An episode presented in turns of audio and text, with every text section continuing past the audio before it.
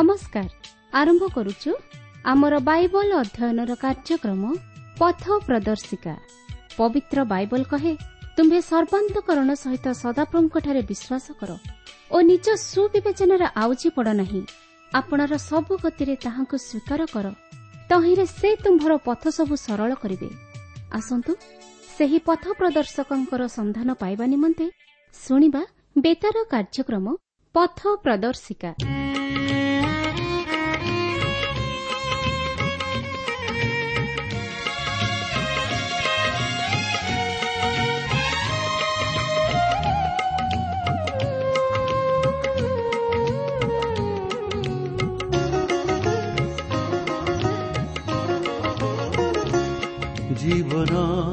ସାଗର ତୀରେ ସନ୍ଧ୍ୟା ଆସଇ ନାଇଁ ଯେବେ ଜୀବନ ସାଗର ତୀରେ ସନ୍ଧ୍ୟା ଆସଇ ନାଇଁ ଯେବେ ବିଗତ ଦିନର କଥା ଯେତେ ବସି ମନେ যত দিনৰ কথা যেতে বসি মনে মনে ভাবে সমৰ্পি নিজকু তুম পদতৰে সমৰ্পি নিজকু তুম পদতৰে মহদী পাৰিবে বিকেবে জীৱনৰ সন্ধ্যা আসই নাই যেবে জীবন সাগর তীরে। সন্ধ্যা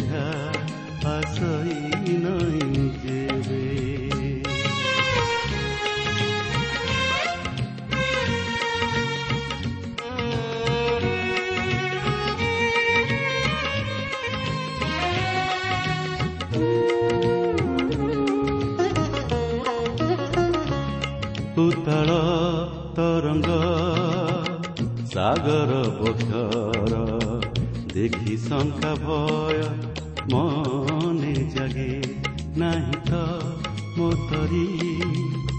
मुनु हे नाउरी पारी बपारी মতে তেরে সমর্পি নিজকু তুম পাদ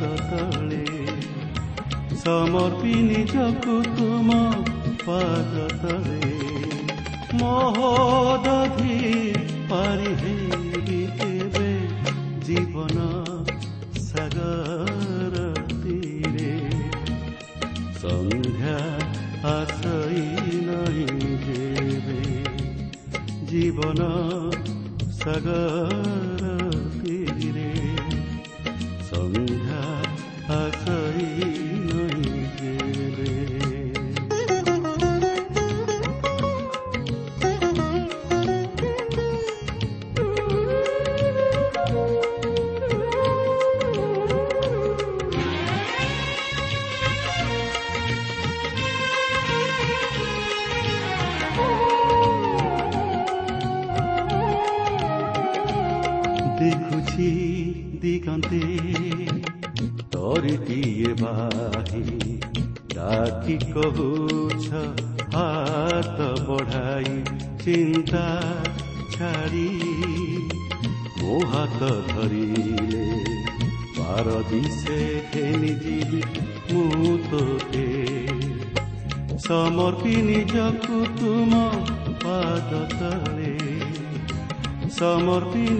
কুতুম পাদ তলে মহোদধি পারিবে কেবে জীবন সাগর কিরে সন্ধ্যা আসই নেবে জীবন সাগর কিরে সন্ধ্যা আসই নয় বিগত দিনৰ কথা যেতে বসি মনে মনে ভাবে। বিগত দিনৰ কথা যেতে বসি মনে মনে ভাবে। সমতি নিজ কুটুমা ସମର୍ପି ନିଜକୁ ତୁମ ପାଦ ତଳେ ମହୋଦଧି ପାରିହେବି କେବେ ଜୀବନ ସାଗରତିରେ ସନ୍ଧ୍ୟା ଆଶଇ ନାଇଁ ଦେବେ ଜୀବନ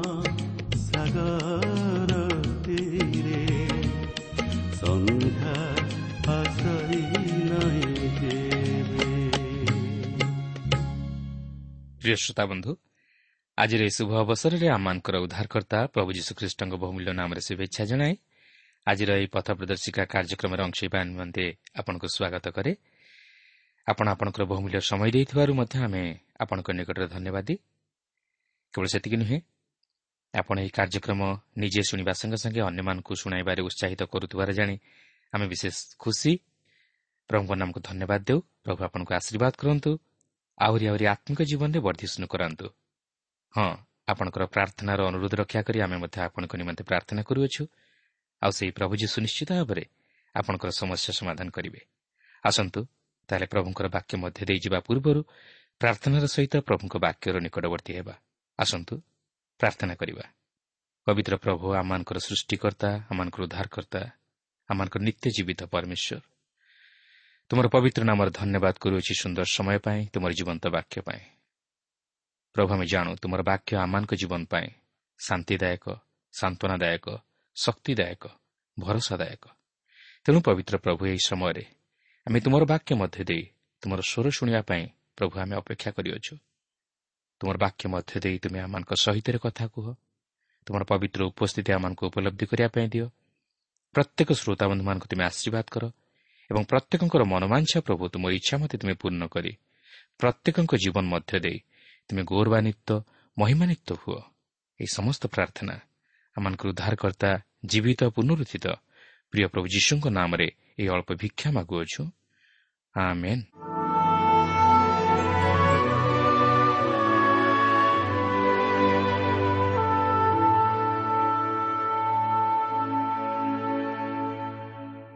ଆସନ୍ତୁ ବର୍ତ୍ତମାନ ଆମେ ପ୍ରଭୁଙ୍କର ବାକ୍ୟ ମଧ୍ୟକୁ ଯିବା।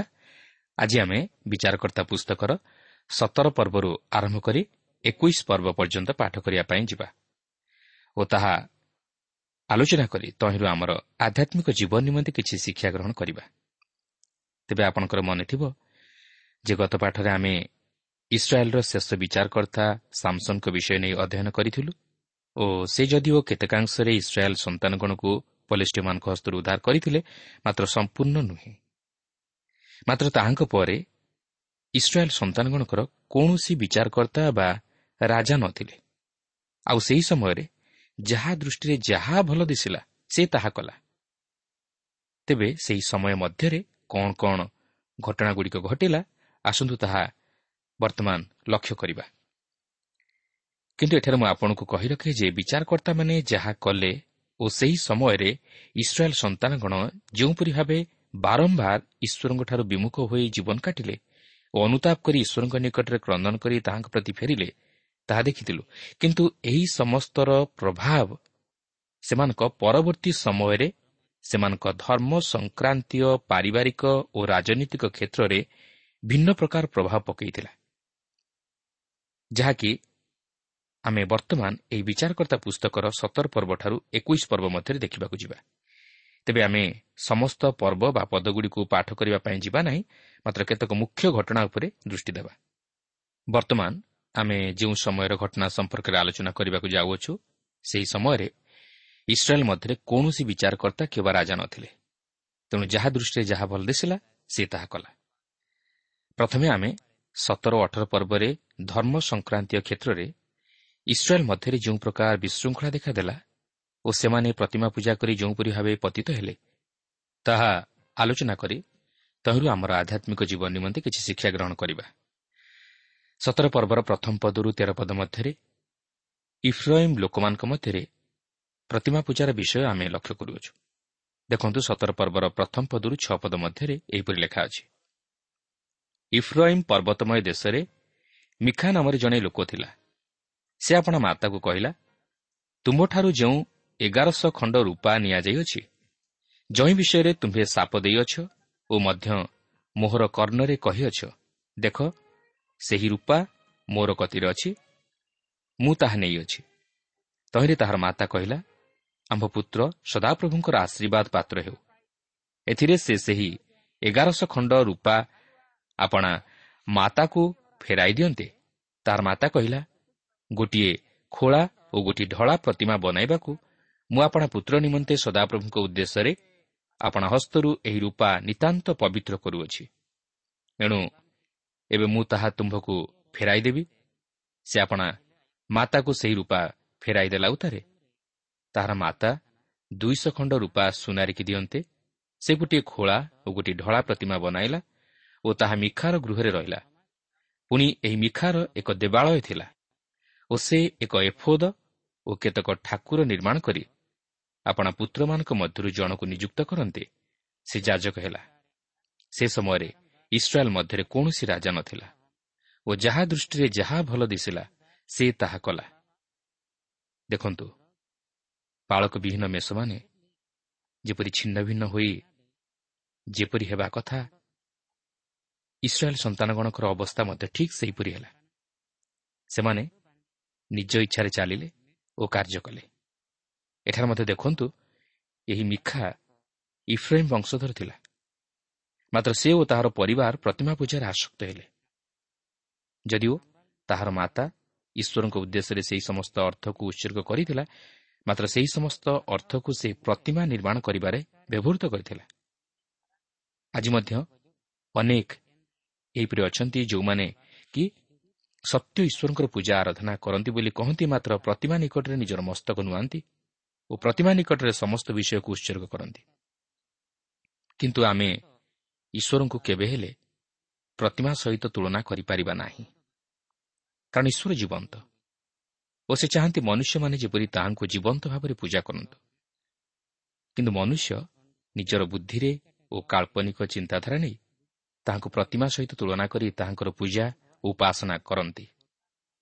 କିନ୍ତୁ ଈଶ୍ୱର ଏହି ସମସ୍ତ ବିଷୟକୁ ଘୃଣା କରନ୍ତି। କାରଣ ଈଶ୍ୱରଙ୍କୁ ପ୍ରତିମା ସହିତ ତୁଳନା କରିବା ଅର୍ଥ ଈଶ୍ୱରଙ୍କୁ ମୃତ ବୋଲି ପ୍ରକାଶ କରିବା। ଆପଣ ଦେଖନ୍ତୁ କୌଣସି ମନୁଷ୍ୟ ବଞ୍ଚିଥାଉ ଥାଉ ତାହାର ପ୍ରତିମୂର୍ତ୍ତି କେହି ନିର୍ମାଣ କରନ୍ତି ନାହିଁ। ମାତ୍ର ମନୁଷ୍ୟ ମରିଗଲା ପରେ ତାହାର ପ୍ରତିମୂର୍ତ୍ତି ନିର୍ମାଣ କରନ୍ତି। ତେଣୁ ଈଶ୍ୱରଙ୍କୁ ପ୍ରତିମା ସହିତ ତୁଳନା କରିବା ଅର୍ଥ ଈଶ୍ୱରଙ୍କୁ ମୃତ ବୋଲି ଘୋଷଣା କରିବା। ତେବେ ଏଠାରେ ଲକ୍ଷ୍ୟ କରିବାର ବିଷୟ ହେଉଛି ଯେ ମିଖାଙ୍କ ପରିବାର କେବଳ ପ୍ରତିମା ପୂଜାରେ ଆସକ୍ତ ହେଲେ ନାହିଁ। ସେ ମଧ୍ୟ ଜଣେ ଲେବିୟକୁ ତାହାର ଗୃହରେ ଯାଜକତ୍ୱ ପଦରେ ରଖିଲା ଯିଏକି ଈଶ୍ୱରଙ୍କର ଯାଜକତ୍ୱ ସେବା କାର୍ଯ୍ୟ ଛାଡ଼ି ପ୍ରତିମା ପୂଜାର ଯାଜକତ୍ୱ ପଦରେ ରହି କାର୍ଯ୍ୟ କଲା ଓ ସେ ଈଶ୍ୱରଙ୍କ ଅଧୀନରେ ପରିଚାଳିତ ନ ହୋଇ ମଣିଷର ଅଧୀନରେ ପରିଚାଳିତ ହେଲା। ଏହା ହିଁ ହେଉଛି ବଡ଼ ଦୁଃଖର ବିଷୟ। ସେହି ଲେବିୟ କେବଳ ଅର୍ଥର ଲାଳସାରେ ମିଖାର ଗୃହରେ ଯାଜକ ପଦରେ ରହି କାର୍ଯ୍ୟ କଲା। କାରଣ ମିଖା ତାହାକୁ ବାର୍ଷିକ ଦଶ ଖଣ୍ଡ ରୂପା ଓ ଏକ ସାଜ ପୁରା ପୋଷାକ ଓ ତାହାର ପଡ଼ି ଦେବ ବୋଲି କହିଥିଲା। କିନ୍ତୁ ଜଣେ ଲେବିୟ ହିସାବରେ ସେ ସେହି ସମାଗମ ତମ୍ବୁରେ ଈଶ୍ୱରଙ୍କ ଯାଜକତ୍ୱ ପଦରେ ରହି କାର୍ଯ୍ୟ କରିବାର ଥିଲା। ମାତ୍ର ସେ ନିଜର ଅର୍ଥର ଲାଳସାରେ ଆସି ମିଖାର ଗୃହରେ ଯାଜକତ୍ୱ ପଦରେ ରହି କାର୍ଯ୍ୟ କଲା ଓ ତାହା ମଧ୍ୟ ପ୍ରତିମା ପୂଜାର ଆବାସସ୍ଥଳୀ ଥିଲା। ଏହା କ'ଣ ଦୁଃଖର ବିଷୟ ନୁହେଁ କି? ଆଜି ମଧ୍ୟ ଅନେକ ଏହିପରି ଅଛନ୍ତି ଯେଉଁମାନେ କେବଳ ଅର୍ଥର ଲାଳସାରେ ସତ୍ୟ ଓ ଜୀବନ୍ତ ଈଶ୍ୱରଙ୍କର ସେବା ଛାଡ଼ି ଶୟତାନର ସେବା କରନ୍ତି। ବର୍ତ୍ତମାନ ଆପଣ ଦେଖିବେ ଅର୍ଥ ରୋଜଗାରର ଅନେକ ପନ୍ଥା ଖୋଲିଗଲାଣି ଯାହାକି ମନୁଷ୍ୟକୁ କେବଳ ଧ୍ୱଂସ ଆଡ଼କୁ କଢ଼ାଇ ନିଏ। ଆଉ ତହିଁରେ ମଧ୍ୟ ଅଧିକ ପଇସା ମିଳେ। ଆଜି ବି ମଧ୍ୟ ଅନେକ ପ୍ରଭୁଙ୍କ ଉଦ୍ଦେଶ୍ୟରେ ଦିଆଯାଇଥିବା ଅର୍ଥକୁ ନେଇ ପ୍ରଭୁଙ୍କ ଉଦ୍ଦେଶ୍ୟରେ ବ୍ୟବହାର କରୁଅଛୁ ବୋଲି କହି ଜଗତର ଜାଗତିକ ସୁଖ ଆମୋଦ ପ୍ରମୋଦରେ ବ୍ୟବହାର କରନ୍ତି। ଏହା ଆଜି ଅନେକ କ୍ଷେତ୍ରରେ ମଧ୍ୟ ଦେଖାଯାଏ। କିନ୍ତୁ ଆପଣ ଦେଖନ୍ତୁ ମିଖା ଏହିସବୁ ଈଶ୍ୱରଙ୍କ ବିରୁଦ୍ଧାଚରଣ କାର୍ଯ୍ୟ କଲେ ମଧ୍ୟ ଈଶ୍ୱରଙ୍କ ଆଶୀର୍ବାଦ ଯେପରି ତାଙ୍କ ଉପରେ ବର୍ତ୍ତେ ଏହା ସେ ଅପେକ୍ଷା କରୁଥିଲେ। କିନ୍ତୁ ଏହା କ'ଣ କେବେ ହେଲେ ସମ୍ଭବ ହୋଇପାରେ? ପ୍ରିୟ ବନ୍ଧୁ ଆଜି ଆପଣ ଚିନ୍ତା କରନ୍ତୁ ଯେ ଆଜି ଆପଣଙ୍କର ଜୀବନ କେଉଁପରି ସ୍ତରରେ ଅଛି। କ'ଣ ଆପଣଙ୍କର ଜୀବନ ମିଖାର ପରି ହୋଇ ରହିଛି ନା ସେହି ଲେବିୟ ପରି ହୋଇ ରହିଛି? କିନ୍ତୁ ଆପଣ ଯଦି ମିଖାର ସ୍ତରରେ ବା ଲେବିୟ ଯୁବାର ସ୍ତରରେ ଅଛନ୍ତି ତାହେଲେ ତହିଁରୁ ଫେରିଆସି ସତ୍ୟ ଓ ଜୀବନ୍ତ ଈଶ୍ୱରଙ୍କର ନିକଟବର୍ତ୍ତୀ ହୁଅନ୍ତୁ ଓ ପ୍ରଭୁ ଯୀଶୁ ଖ୍ରୀଷ୍ଟଙ୍କୁ ନିଜ ହୃଦୟରେ ଉଦ୍ଧାରକର୍ତ୍ତା ରୂପେ ଗ୍ରହଣ କରି ତାହାଙ୍କୁ ନିଜ ହୃଦୟରେ ସ୍ଥାନ ଦିଅନ୍ତୁ। ତେବେ ଏଠାରେ ଆମେ ସତର ପର୍ବଟି ଆଲୋଚନା କରି ସମାପ୍ତ କଲୁ। ମାତ୍ର ଏହାପରେ ଅଠର ପର୍ବଟିକୁ ଆଲୋଚନା କରିବା ପାଇଁ ଯିବା। ଏହି ଅଠର ପର୍ବରେ ଆମେ ଇସ୍ରାଏଲ୍ର ବଂଶ ମଧ୍ୟରୁ ଦାନବଂଶ ବିଷୟରେ ଦେଖୁଅଛୁ ଯେ ସେମାନେ ମଧ୍ୟ ପ୍ରତିମା ପୂଜାରେ ଆସକ୍ତ ହେଲେ। ତେବେ ଘଟଣା ହେଉଛି ଯେ ସେମାନଙ୍କର ଦେଶ ପଲିଷ୍ଟିୟମାନଙ୍କ ଦ୍ୱାରା ଅଧିକୃତ ହୋଇଥିଲା। ମାତ୍ର ସେମାନେ ନିଜର ବସତି ନିମନ୍ତେ ସ୍ଥାନ ଖୋଜୁଥିଲେ। ଆଉ ଏହି ସମୟରେ ଯେତେବେଳେ ସେମାନେ ଦେଶ ଅନୁସନ୍ଧାନ କରି ସେମାନଙ୍କର ବସତିର ସୀମା ବଢ଼ାଇବାକୁ ଚାହିଁଲେ ସେତେବେଳେ ସେମାନେ ଦେଶ ଅନୁସନ୍ଧାନ କରିବା ସମୟରେ ଆସି ଏହି ମିଖାର ଗୃହରେ ପହଞ୍ଚିଲେ। ଓ ଏହି ମିଖାର ଗୃହରୁ ସେହି ସମସ୍ତ ପ୍ରତିମାକୁ ନେଇ ସେମାନେ ସେମାନଙ୍କର ବସତି ଅଞ୍ଚଳରେ ସ୍ଥାପନ କରି ପ୍ରତିମା ପୂଜା କରିବାକୁ ଆରମ୍ଭ କଲେ। ଓ ମୋଷାର ନାତି ଜୋନାଥନ ଓ ତାହାର ସନ୍ତାନଗଣ ଦାନବଂଶର ଯାଜକ ହେଲେ। ଦେଖନ୍ତୁ ସେମାନେ କେତେ ଦୂର ସତ୍ୟ ଓ ଜୀବନ୍ତ ଈଶ୍ୱରଙ୍କଠାରୁ ଦୂରକୁ ଚାଲିଗଲେ। ସେମାନେ ଈଶ୍ୱରଙ୍କ ମନରେ ଦୁଃଖ ଦେଲେ। ସେମାନେ ଈଶ୍ୱରଙ୍କ ମନ୍ଦିରକୁ ମଧ୍ୟ କଳୁଷିତ କଲେ। ପ୍ରିୟ ବନ୍ଧୁ ବାସ୍ତବରେ ଏହି ପ୍ରତିମା ପୂଜା ଅତି ଭୟଙ୍କର ବିଷୟ। ହଁ ଆମେ ଜାଣତରେ ହେଉ ବା ଅଜାଣତରେ ହେଉ ପ୍ରତିମାକୁ ପୂଜା କରୁ। ମାତ୍ର ଈଶ୍ୱର ଆମର ମୃତ ଈଶ୍ୱର ନୁହନ୍ତି ମାତ୍ର ଜୀବନ୍ତ ଈଶ୍ୱର। ସେଦିନ ଇସ୍ରାଏଲ୍ ସନ୍ତାନଗଣ ସତ୍ୟ ଈଶ୍ୱରଙ୍କୁ ଜାଣିଲେ ମଧ୍ୟ ପ୍ରତିମା ପୂଜାରେ ଆସକ୍ତ ହେଲେ। କାହିଁକି? ଯେହେତୁ ସେମାନେ ନିଜର କାଳ୍ପନିକ ଚିନ୍ତାଧାରା ଦ୍ୱାରା ପରିଚାଳିତ ହୋଇ ଓ ଈଶ୍ୱରଙ୍କଠାରୁ ବିମୁଖ ହୋଇ ସେପରି କଲେ। କିନ୍ତୁ ଏହା ଈଶ୍ୱରଙ୍କ ଦୃଷ୍ଟିରେ ଗ୍ରହଣଯୋଗ୍ୟ ନଥିଲା। ଓ ଈଶ୍ୱର ମଧ୍ୟ ପ୍ରତିମା ପୂଜା ବିଷୟ ନେଇ ସେମାନଙ୍କୁ ସତର୍କ କରାଇ ଦେଇଥିଲେ ଯାହାକି ଯାତ୍ରା ପୁସ୍ତକ କୋଡ଼ିଏ ପର୍ବର ତିନି ଓ ଚାରି ପଦରେ ଲେଖା ଅଛି। ତେବେ ଏହି ପ୍ରତିମା ପୂଜା ନେଇ ଆପଣଙ୍କର ମତାମତ କ'ଣ ତାହା ମୁଁ ଜାଣେ ନା? ମାତ୍ର ପବିତ୍ର ବାଇବଲ ପ୍ରକାଶ କରେ ଯେ ପ୍ରତିମା ପୂଜା ହେଉଛି ପାପ ଓ ଯେଉଁମାନେ ପ୍ରତିମା ପୂଜା କରନ୍ତି ସେମାନେ ଈଶ୍ୱରଙ୍କ ଦତ୍ତ ଦଶ ଆଜ୍ଞା ମଧ୍ୟରୁ ପ୍ରଥମ ଦୁଇଟି ଆଜ୍ଞା ଲଙ୍ଘନ କରନ୍ତି ଓ ଏହାର ପରିଣାମ ଅତି ଭୟଙ୍କର। କାରଣ ପ୍ରଥମ ଆଜ୍ଞା ହେଉଛି ଆମ୍ଭଙ୍କୁ ଛାଡ଼ି ଆଉ କାହାକୁ ଈଶ୍ୱର ବୋଲି ନ ମାନୁ। ଓ ଦ୍ୱିତୀୟ ଆଜ୍ଞାଟି ହେଉଛି କାହାର କୌଣସି ପ୍ରତିମା ପୂଜା ନ କର। ତେବେ ନିଜକୁ ପ୍ରଶ୍ନ କରନ୍ତୁ ଯେ ମୁଁ କ'ଣ ସେହି ପ୍ରତିମାକୁ ମୋର ହୃଦୟରେ ସ୍ଥାନ ଦେଇଛି ନା ବାସ୍ତବ ମୋର ଉଦ୍ଧାରକର୍ତ୍ତା ପ୍ରଭୁ ଯୀଶୁଖ୍ରୀଷ୍ଟଙ୍କୁ ମୋର ହୃଦୟରେ ସ୍ଥାନ ଦେଇଅଛି? ଆସନ୍ତୁ ଏହାପରେ ଉଣେଇଶ ପର୍ବଟିକୁ ଅଧ୍ୟୟନ କରିବା ନିମନ୍ତେ ଯିବା। ଏହି ପର୍ବରେ ଆମେ ପାରିବାରିକ ଜୀବନରେ ଇସ୍ରାଏଲ୍ ବଂଶ କିପରି ନୈତିକତା ହରାଇ ବ୍ୟବିଚାର କରି ପାପରେ ବତିତ ହେଲେ ତାହା ଲକ୍ଷ୍ୟ କରିବା। ଏହି ସମୟରେ ସେମାନଙ୍କ ମଧ୍ୟରେ କୌଣସି ରାଜା ବା ବିଚାରକର୍ତ୍ତା ନଥିଲେ। ତେବେ ମୁଁ ଉଣେଇଶ ପର୍ବଟିକୁ ସମ୍ପୂର୍ଣ୍ଣ ଅଧ୍ୟୟନ କରିବା ପାଇଁ ଯାଉନାହିଁ। ମାତ୍ର ଘଟଣାଟି ସଂକ୍ଷେପରେ ଆପଣଙ୍କୁ ଜଣାଇ ଦେଉଛି। ଘଟଣାଟି ଏ ପ୍ରକାର ଯେତେବେଳେ ଇସ୍ରାଏଲ୍ ମଧ୍ୟରେ କୌଣସି ରାଜା ନଥିଲେ ସେହି ସମୟରେ ଇଫ୍ରାଇମ୍ ପର୍ବତମୟ ଦେଶର ଜଣେ ଲେବିଓ ଲୋକ ବୈଥଲିହମ୍ ଜିହୁଦାରୁ ଏକ ଉପପତ୍ନୀ ଗ୍ରହଣ କଲା।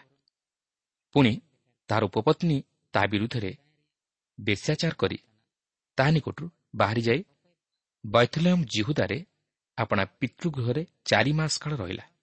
କିନ୍ତୁ ତାହାର ଉପପତି ତାହାକୁ ତାହାର ପିତାର ଗୃହରୁ ଆଣିବା ସମୟରେ ପ୍ରଥମରେ ଗିବିଆ ନିକଟରେ ଏକ ଅପ୍ରୀତିକର ଘଟଣା ଘଟିଲା।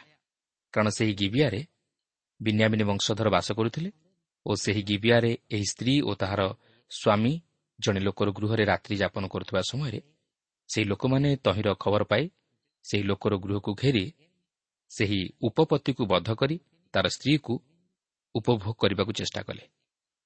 ଓ ସେମାନେ ଜବରଦସ୍ତି ତାହା କଲେ। ଅର୍ଥାତ୍ ତାହାର ସ୍ତ୍ରୀକୁ ଆଣି ତାହା ସହିତ ବ୍ୟବଚାର କରି ତାହାକୁ ମାରିଦେଲେ। କିନ୍ତୁ ଏହି ସମସ୍ତ ଘଟିବା ପରେ ତାହାର ସ୍ୱାମୀ ତାହାକୁ ତାହାର ଗୃହକୁ ଆଣି ଖଣ୍ଡେ ଛୁରୀ ନେଇ ଆପଣା ଉପପତ୍ନୀର ଅସ୍ଥିର ଖଞ୍ଜ ଅନୁସାରେ ବାର ଖଣ୍ଡରେ ବିଭକ୍ତ କରି ଇସ୍ରାଏଲ୍ର ସମସ୍ତ ଅଞ୍ଚଳକୁ ପଠାଇଲା।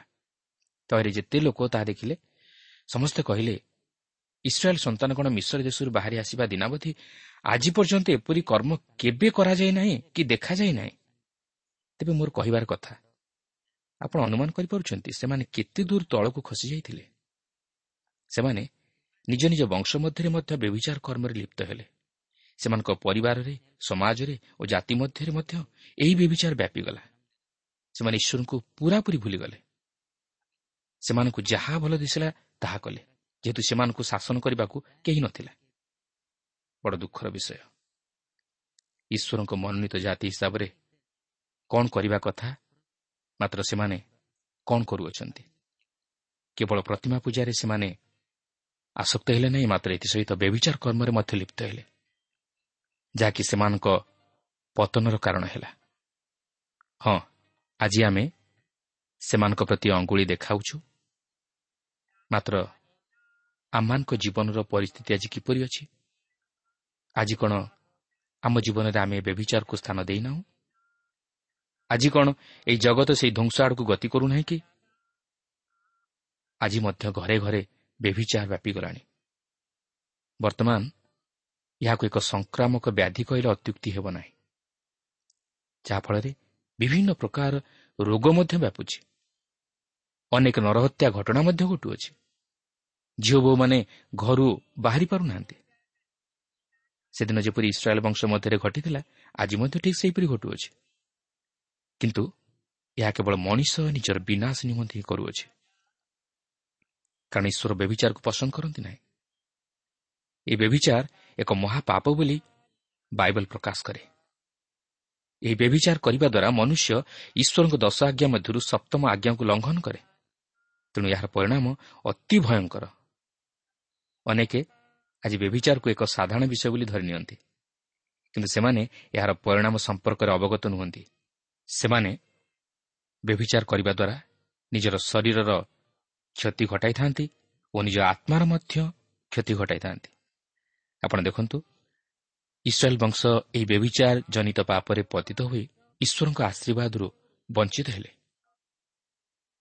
ଆଜି ଯଦି ଆମେ ଈଶ୍ୱରଙ୍କ ଆଶୀର୍ବାଦର ଅଧିକାରୀ ହେବାକୁ ଚାହୁଁ ତାହେଲେ ବ୍ୟଭିଚାରରୁ ଦୂରରେ ରହୁ ତାହା ନହେଲେ ଈଶ୍ୱରଙ୍କ ଆଶୀର୍ବାଦରୁ ଆମେ ବଞ୍ଚିତ ହେବା ଆପଣ ଦେଖନ୍ତୁ ଏହି ଘଟଣା ନେଇ ଯେତେବେଳେ ସମଗ୍ର ଇସ୍ରାଏଲ୍ ଜାଣିଲେ ସେତେବେଳେ ସେମାନେ ବିନ୍ୟାମିନ୍ ବଂଶ ବିରୁଦ୍ଧରେ ଯୁଦ୍ଧ କରିବାକୁ ଉଠିଲେ ଓ ସେମାନେ ସମସ୍ତେ ବିନ୍ୟାମିନ୍ ବଂଶର ଲୋକମାନଙ୍କୁ ଖଡ଼ଗଧାରରେ ବିନଷ୍ଟ କଲେ ଯାହାକି ଆପଣ କୋଡ଼ିଏ ଓ ଏକୋଇଶ ପର୍ବରେ ଦେଖିବାକୁ ପାରିବେ ଦେଖନ୍ତୁ ଏହି ବ୍ୟବିଚାର ଘଟଣାକୁ କେନ୍ଦ୍ର କରି ସମଗ୍ର ଇସ୍ରାଏଲ୍ ବଂଶ ମଧ୍ୟରେ ଯୁଦ୍ଧ ଲାଗିଗଲା।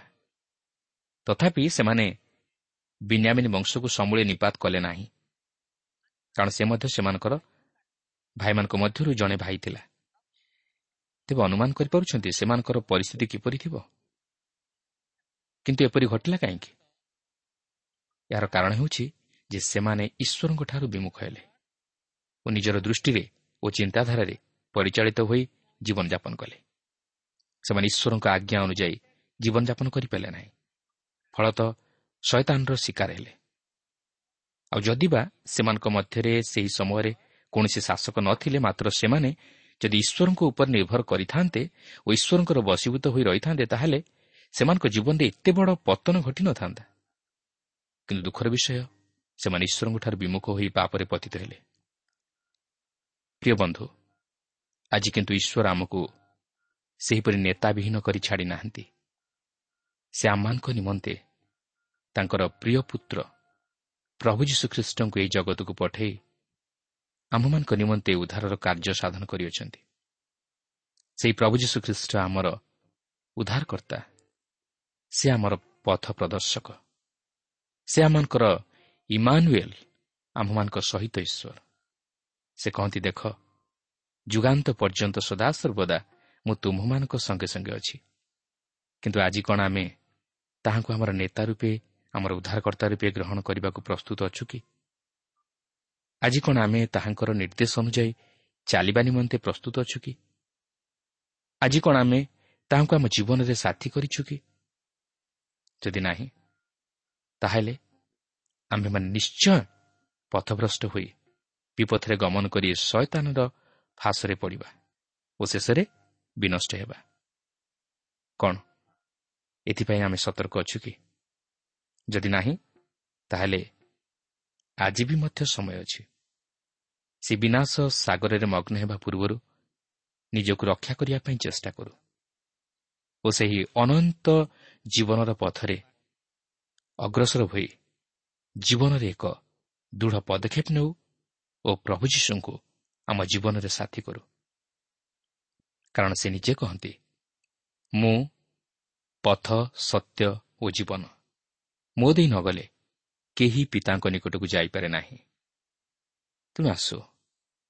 ପ୍ରଭୁ ଯୀଶୁଙ୍କୁ ଆମ ଜୀବନରେ ଗ୍ରହଣ କରି ତାଙ୍କର ପଛରେ ଅନୁଗମନ କରି ସେହି ସ୍ୱର୍ଗ ରାଜ୍ୟରେ ପ୍ରବେଶ କରିବାକୁ ଚେଷ୍ଟା କରୁ। ତାହା ନହେଲେ ଏହି ଅନ୍ଧକାରମୟ ଜଗତରେ ଆମମାନେ କେବେ ହେଲେ ସେହି ଆଲୋକର ପଥରେ ଚାଲିପାରିବା ନାହିଁ। ଆମମାନେ କେବେ ହେଲେ ଈଶ୍ୱରଙ୍କର ସନ୍ତୋଷଜନକ ଜୀବନଯାପନ କରିପାରିବା ନାହିଁ। ଆମମାନେ ଶୈତାନ ଦ୍ୱାରା ପ୍ରଲୋଭିତ ହୋଇ ପାପରେ ପତିତ ହେବା। ତେଣୁ ଆସୁ ସୁଯୋଗ ଥାଉଁ ଥାଉଁ ସୁଯୋଗର ସଦ୍ବ୍ୟବହାର କରି ପ୍ରଭୁ ଯୀଶୁଙ୍କୁ ଉଦ୍ଧାରକର୍ତ୍ତା ରୂପେ ଗ୍ରହଣ କରି ପାପରୁ ଉଦ୍ଧାରପ୍ରାପ୍ତ ହୋଇ ଏହି ଜଗତରେ ଏକ ବିଜୟୀ ଜୀବନ ଯାପନ କରିବା ପାଇଁ ଚେଷ୍ଟା କରୁ। ପ୍ରଭା ପ୍ରତ୍ୟେକଙ୍କର ସହବର୍ତ୍ତୀ ହୁଅନ୍ତୁ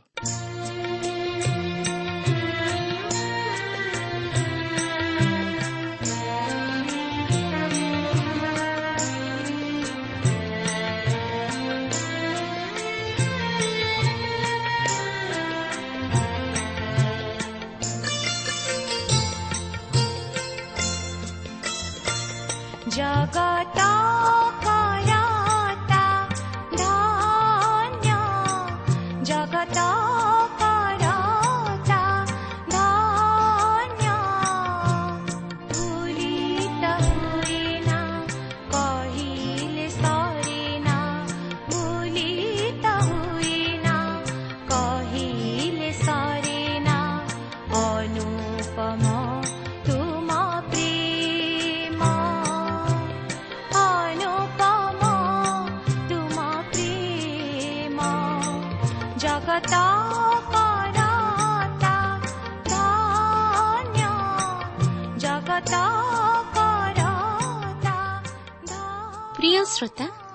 ଆମର କାର୍ଯ୍ୟକ୍ରମ ନିୟମିତ ଶୁଣୁଥିବାରୁ ଅଶେଷ ଧନ୍ୟବାଦ। ଆପଣ ଏହି କାର୍ଯ୍ୟକ୍ରମ ଶୁଣିବା ଦ୍ୱାରା ଆତ୍ମିକ ଜୀବନରେ ଉପକୃତ ହୋଇପାରିଥିବେ ବୋଲି ଆମର ବିଶ୍ୱାସ। ପ୍ରଭୁ ଯୀଶୁଙ୍କ ବିଷୟରେ ଅଧିକ ଜାଣିବାର ଆଗ୍ରହ ଥିଲେ ଅଥବା ଉପାଦାୟ ପୁସ୍ତକର ଆବଶ୍ୟକ ଥିଲେ ଆମ ସହ ଯୋଗାଯୋଗ କରନ୍ତୁ। ଆମର ଠିକଣା ପଥ ପ୍ରଦର୍ଶିକା Trans World Radio India post box number ତିନି ତିନ ଭୁବନେଶ୍ୱର ସାତ ପାଞ୍ଚ ଏକ ଶୂନ ଶୂନ ଏକ। Mobile number nine seven double seven double two one four one five ଠିକଣାଟି ଆଉଥରେ ଶୁଣନ୍ତୁ ପଥ ପ୍ରଦର୍ଶିକା Trans World radio India post box number three three Bhubaneswar seven five one zero zero one mobile number nine seven double seven double two one four one five ଆମର email ଆଡ୍ରେସଟି ଲେଖି ରଖନ୍ତୁ Odia TTV at radio eight eight two dot com ତେବେ ଆଜି ପାଇଁ ବିଦାୟ ଦିଅନ୍ତୁ ନମସ୍କାର